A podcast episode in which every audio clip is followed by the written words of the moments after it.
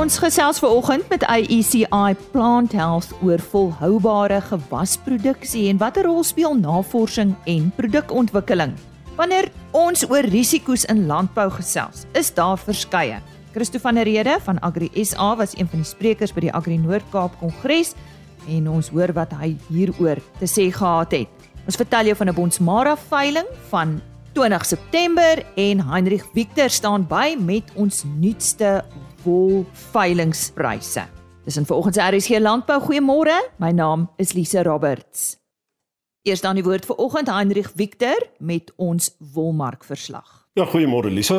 Kom ons kyk wat het op die wolmark gebeur hierdie afgelope tyd. Nou op die 4de wolveiling van die 2023-2024 seisoen wat op 6 September plaasgevind het, het die Cape Wools Merino aanwyser met 1.9% vir nie gesertifiseerde wol en ook 2.2% vir gesertifiseerde wol gestyg teenoor die vorige veiling.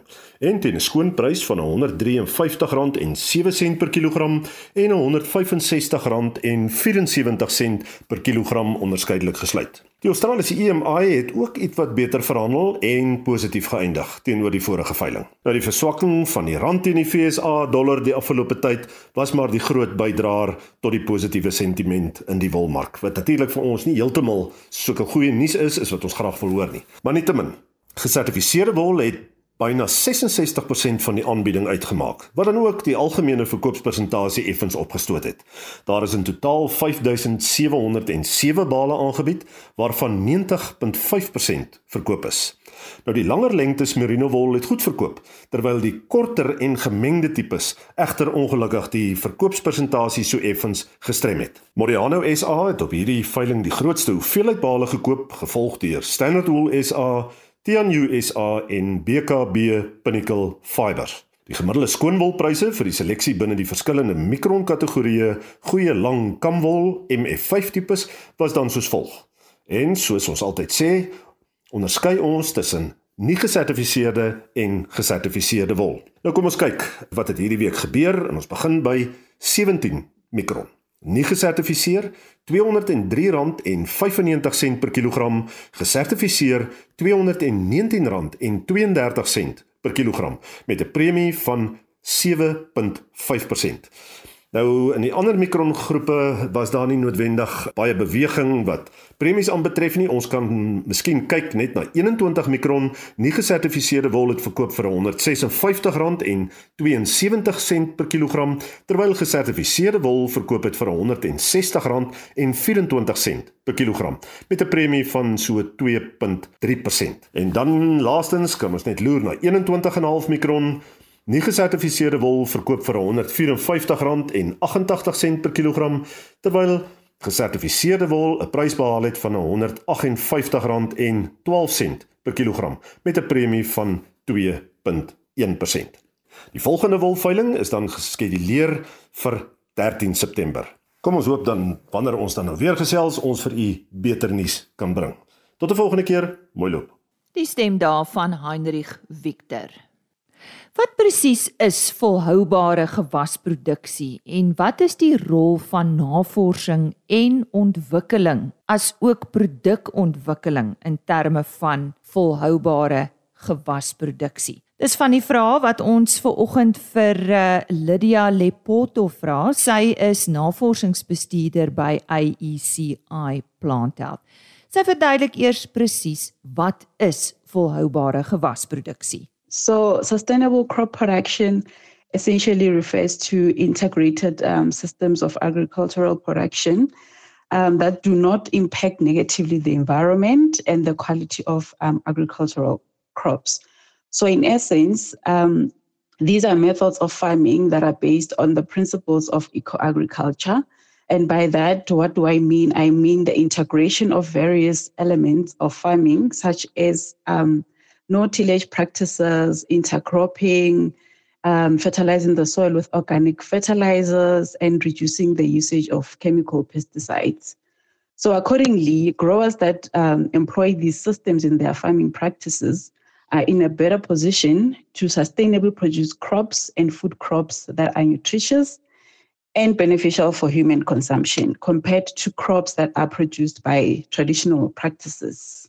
In order to ascertain sufficient food supply to the exponentially growing population, a paradigm shift from um, conventional agriculture to the more sustainable and eco-friendly agricultural practices is needed. Sy verduidelik verder wat is die rol van navorsing en ontwikkeling en produkontwikkeling by volhoubare gewasproduksie. Okay, so R&D has a significant role to play in the paradigm shift towards sustainable agriculture. As I mentioned before, that's, that this shift is absolutely necessary. Uh, but despite many effective conventional approaches to control plant diseases, new and effective environmentally friendly um, approaches are needed, particularly with the increasing human population and the effects of climate change on crop production and plant health. We can no longer rely on conventional agricultural practices that do not guarantee healthy food crops and require heavy usage of chemicals to the detriment of our environment. For this purpose, we have already seen the EU setting targets to achieve 50% reduction of um, pesticide use by 2030. So it is absolutely critical that scientists around the world start focusing on the development of products and technologies that would enable farmers to employ sustainable crop production practices. For instance, our R&D efforts um, throughout the, the years at ACI Plant Health um, we introduced a program that growers can adopt and integrate into their sustainable farming practices. Under this program, we developed various products that enhances soil health and addresses the plant's nutritional needs. And we also have smart technology that optimizes water usage. Ultimately, with this program, we aim to achieve nutritious food production from healthy crops with less chemical residues. En hoe is IECI Plant Health se produkontwikkeling in lyn met volhoubare gewasproduksiestelsels? Yeah, so the use of excessive chemicals to control pests is one of the more one of the major contributors to soil degradation. So maintaining a healthy soil is the most crucial aspect of sustainable crop production. Our R&D strategies are mainly centers are centered around this aspect of sustainable crop production. As such, one of our R&D strategies is focused on enhancing the plant's inherent ability to strive under abiotic and abiotic stresses. For this purpose, we are developing various biostimulant products with naturally derived active ingredients to reduce the need to apply chemical pesticides and thus reduce um, pesticide residues. The second strategy is focused on the development of biopesticides for disease suppression. With this strategy, we would be addressing the issues with chemical pesticide residues and environmental footprint. Moreover, pesticides are environment friendly. So, with this strategy, we are fulfilling AECI's commitment to operate sustainably without harm to the environment.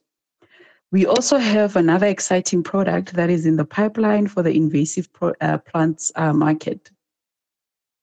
This product will contain um, active ingredient that is readily biodegradable with no withholding period. So basically, what that means is that the farmer can apply this type of product today and harvest um, the following day. Um, so in this way, our R&D strategies are aligned and contribute towards the sustainable crop production. En so gesels Lydia Lepoto, sy is navorsingsbestuurder by AECI Plant Health. Vir meer inligting oor die onderwerp, besoek hulle webtuiste www.aeciph.com www.aeciph.com Ons gesels weer vandag oor 'n Bonsmara veiling. Daar's 'n hele paar wat op hierdie stadium van die jaar plaasvind en hierdie een is die 21ste produksieveiling van Germar Bonsmaras. Ek het al in die verlede met Gert Nel gesels. Gert, goeiemôre. Vertel ons net eers kortliks presies waar is Germar Bonsmaras? Uh goeiemôre Lize, luisteraars. Uh ja, Germar Bonsmaras is net uh suid van Bloemfontein in die ons boere in die Bloemfontein, Redesburg te Wetstop en Edenburg distrikte. En ja, dis waar ons maar hier net so suid suid van Bloemfontein waar ons boer, jy weet. Ja. En dis al julle 21ste produksieveiling, so julle uh vorder goed. Ja, Elise, dis uh, ons 21ste produksieveiling, maar soos dit nou maar is, is elke produksieveiling of elke veiling het maar sy uitdagings, maar uh, ja, ons sien uit na die veiling. Ek dink uh, ons het baie pragtige diere en ons sien uit na die veiling. Ja, vertel vir ons van hierdie diere. Wat is op aanbod vanjaar en dalk iets spesifieks wat jy wil sê oor hierdie diere? Ons bied vir jaar weer 40 Bonsmara bulle aan, uh, volgeregistreerde SP Bonsmara bulle. En ek dink ons aanbieding verbeter daarom elke jaar. Ons het vanjaar 'n hele klompie bulle wat baie goed is vir 'n uh, uh, speenkalfproduksie. Dan is daar bulle wat ek dink 'n mens met uh, uh, baie groot nut kan gebruik vir die teel van uh, vervangingsverse. Dan is daar 'n paar uitstaande bulle wat ons dink deur soetelers aanvraag behoort te wees en ek dink dat die spesifieke bulle kan werklike bydrae lewer in in alle kuddes ook in kommersiële kuddes maar ook in stoetkuddes. Ons bied ook dan nou vroulike diere aan. Ons bied 'n hele klompie stoet vroulike diere aan wat insluit 'n paar van die golden oldies koeie. Hierdie hierdie koeie is gaan waarskynlik 'n 3 in 1 koeie wees en dan uh, dan bied ons ook 150 vroulike kommersiële diere aan wat in alle produksiestadium is van dragtig koeie met kalvers en dan ook uh mooi klomp verse wat gereed is vir die bil. Ek dink die kommersiële aanbieding is ook baie goed. En uh wat ek wel kan beklemtoon is dat al die diere kom uit ons kudde. Ons het nie gasverkopers nie, ons dis net ons wat die veiling aanbied. Waar vind hierdie veiling plaas, Gert? Uh Lise, ja, die veiling vind plaas uh by die Bloemfontein skougronde. Dis nog altyd op dieselfde plek. En uh dit uh is in die in die middedorp van Bloemfontein. Almal weet waar die skougronde en dit is waar die veiling plaasvind. En wie bied dit vir julle aan? Is daar ook 'n aanlyn opsie? Uh, ja, uh, Lise, ja, Vleis Sentraal bied vir ons die veiling aan. En uh dit is al uh geruime tyd wat Vleis Sentraal die veiling vir ons aanbied en is daar ook 'n aanlyn opsie opsie met Swift V. En uh, uh ja, mense kan inskakel, jy wat nie dit kan bywoon nie, kan dan via Swift V uh, inskakel en be. Goed, die wat belangstel, moet hulle maar met jou skakel gerd? Uh ja, belangstellendes kan met my skakel. Uh, uh my telefoonnommer is uh 082 800 444.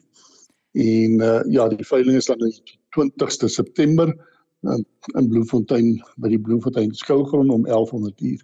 So gesels Gert Nel oor die Germar Bonsmara se 21ste produksieveiling soos hy gesê het, dis op 20 September by die Bloemfontein skougronde en uh, Gert Nel se nommer net weer 082 800 444 soos hy dit ook gelees het. Vir die laaste keer oor die Agri Noord-Kaap Kongres sluit ons nou aan by Koos de Pisani. Landbou is soos enige ander besigheid nie sonder risiko's nie. En hoe beter jy beplan, hoe makliker kan jy die risiko's bestuur. Ek gesels vandag met Christo van Rede, die uitvoerende direkteur van Agri Suid-Afrika, wat deel was van 'n paneelbespreking by die Agri Noord-Kaap Kongres en hulle het hierdie onderwerp aangeraak.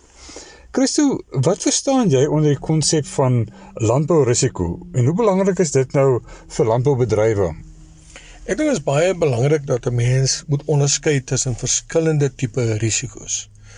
Jy het natuurlik te doen met politieke risiko's en daai politieke risiko's kan jy op drie vlakke indeel. Dis jou ehm um, geopolitiese risiko's, jy weet, as oorlog uh tussen Oekraïne en en Rusland en dit het 'n impak gehad op uh, oliepryse byvoorbeeld, op uh, kunsmispryse. En dit het weer 'n impak op uh, boere se uh, finansiële volhoubaarheid want hulle koop daai goed aan op internasionale markte. Jou mielieprys word uh, internasionaal vasgemaak uh, en dit het weer 'n impak op hulle uh winsgewendheid uh jy weet as hulle daai mielies verkoop op 'n internasionale mark. Uh en ek dink dit is belangrik dat ons uh ons oog daarop onthou. Uh, maar vir 'n boer is dit 'n moeilike ding want uh, jy weet 'n boer wil boer. Hy wil niks te doen hê met daai tipe van geopolitiese risiko. En dit is waarom jy dan 'n agri-SA het om dit te verstaan, om met die regering in gesprek te tree en om natuurlik veldtogte te dryf wat groter bewustheid rondom die implikasies van daai geopolitiese risiko's na die tafel te bring. En dan jy natuurlik nasionale risiko's.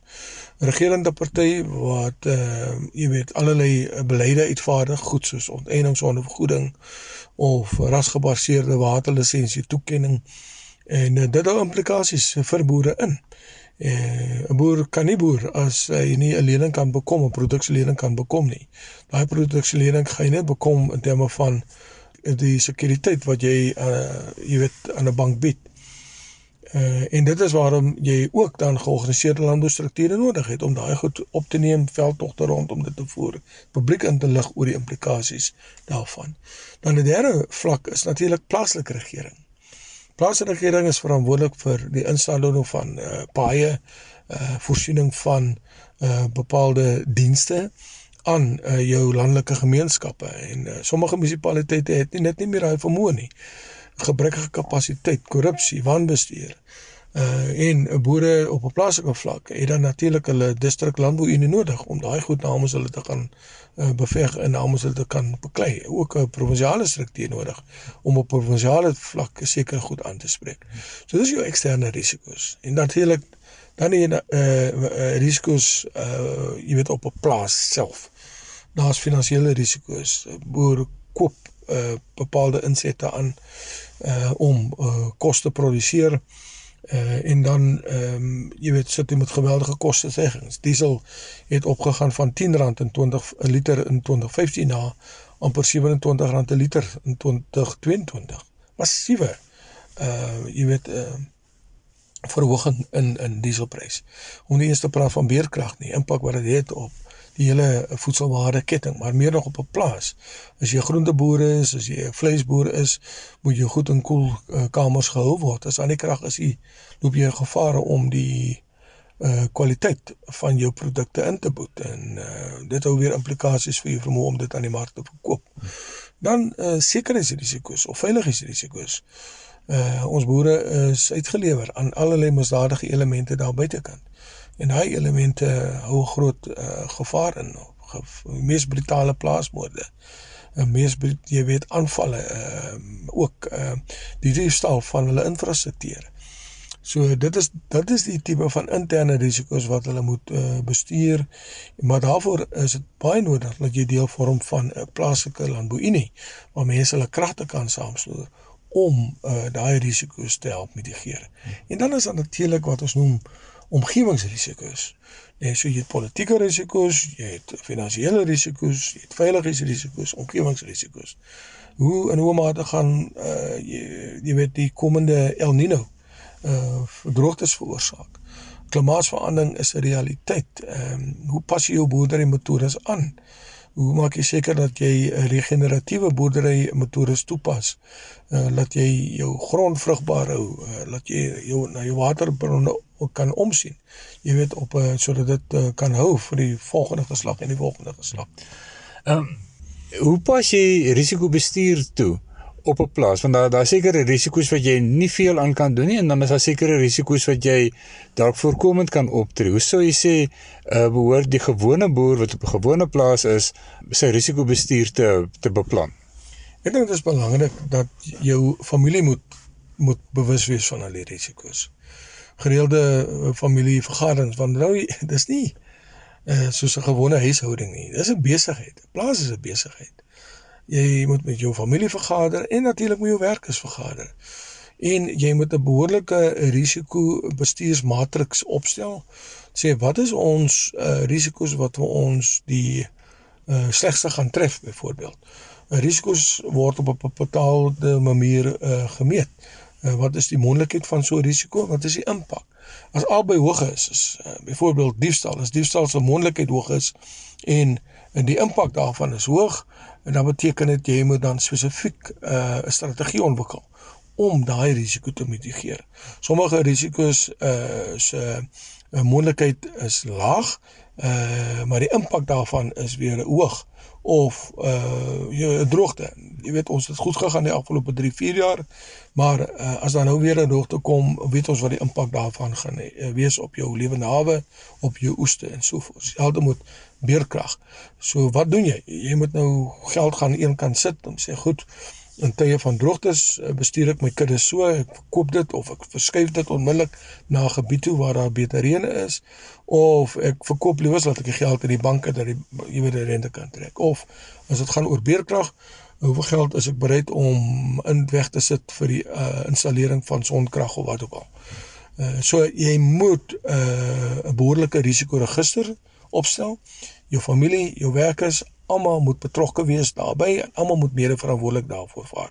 En as jy daai matriks saamgestel het, ons noem in Engels praat ons van heat mapping, dan moet jy kan sê watter risiko's hou vir my hou eh, die grootste moontlikheid van voorkoms in en wat gaan die impak daarvan wees en dan moet jy dit daarvolgens bestuur, 'n strategie ontwikkel sodat jy aan die einde van die dag dit kan mitigeer. Chris, ek sou dink dat baie van die ehm um, risiko's wat 'n mens in die gesig staar uh jy sien dit nie onmiddellik raak nie of jy jy besef nie altyd dat hierdie ding kan 'n risiko word nie.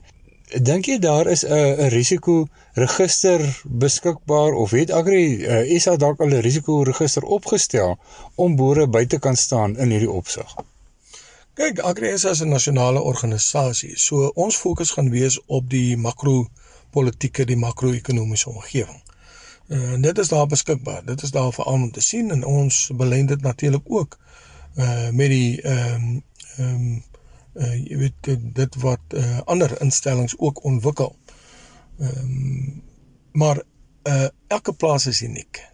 Uh elke boer moet gaan sit en 'n behoorlike risiko-ontleding gaan doen. En dan kyk ook vir kundigheid. Uh, jy weet daar's kundigheid beskikbaar. Uh, mense wat jou kan help om dan 'n uh, risiko-register op te stel uh, en dan vroeër vloeiend uit so 'n risiko-register is wat moet ek doen? Jy weet en hoe moet ek dit doen? En wanneer moet ek dit doen? En waarom jy weet waar moet ek dit doen? Uh sodat jy dan 'n plan van aksie in in in plek stel. Uh dis moeilik want onthou boerdery verskil van mekaar. Jy, jy, jy weet die mense wat lewende hawe ehm um, meer boer, jy weet mense wat met mielies boer, varkenboer en elkeen van hierdie produkte het 'n unieke stel risiko's. Het sy ekonomies van aard of wetenskaplik van aard uh of wat ook al. Nou, so jy sê die uh, in die landbougemeenskap is daar al 'n redelike manier hoe boere uh, jou jou deursnee boer se risiko's bestuur of voel jy dit is 'n saak wat wat meer ernstig aangespreek moet word en mense bewus gemaak moet word daarvan? Ek dink baie boere is, is redelik op hoogte van risikobestuur. Maar dit het ook oor tyd 'n wetenskap geword. As jy net vandag gehoor het hoe mense die saak benader, ehm um, is dit baie belangrik uh, dat uh, dit uh eerste op die agenda van jou jaarbeplanning moet wees. Ehm um, en uh ook uh 'n agenda item moet wees wat gereeld uh aangespreek moet word. So uh, doen jou planning, doen jou navorsing, kry kundiges in om jou te help om hierdie goed te bestuur. Ehm um, want uh in 'n wêreld waar daar soveel onsekerheid heers, uh, is die beste manier om sekerheid te kry is om bewus te wees van risiko's en hoe om daai risiko's binne jou bepaalde konteks te bestuur. Ja, natuurlik om om die wetenskap ook daarbey in te sluit. Dit was Christo van Rede wat wat so lekker gesels. Ek is Koos de Pisani vir RSG Landbou in Kimberley. Ons dank aan Koos de Pisani vir die bydraes vanaf die Agri Noord-Kaap Kongres. Dis dan vandag se program. Totsiens. RSG Landbou is 'n plaas media produksie met regisseur en aanbieder Lize Roberts en tegniese ondersteuning deur Jolande Rooi.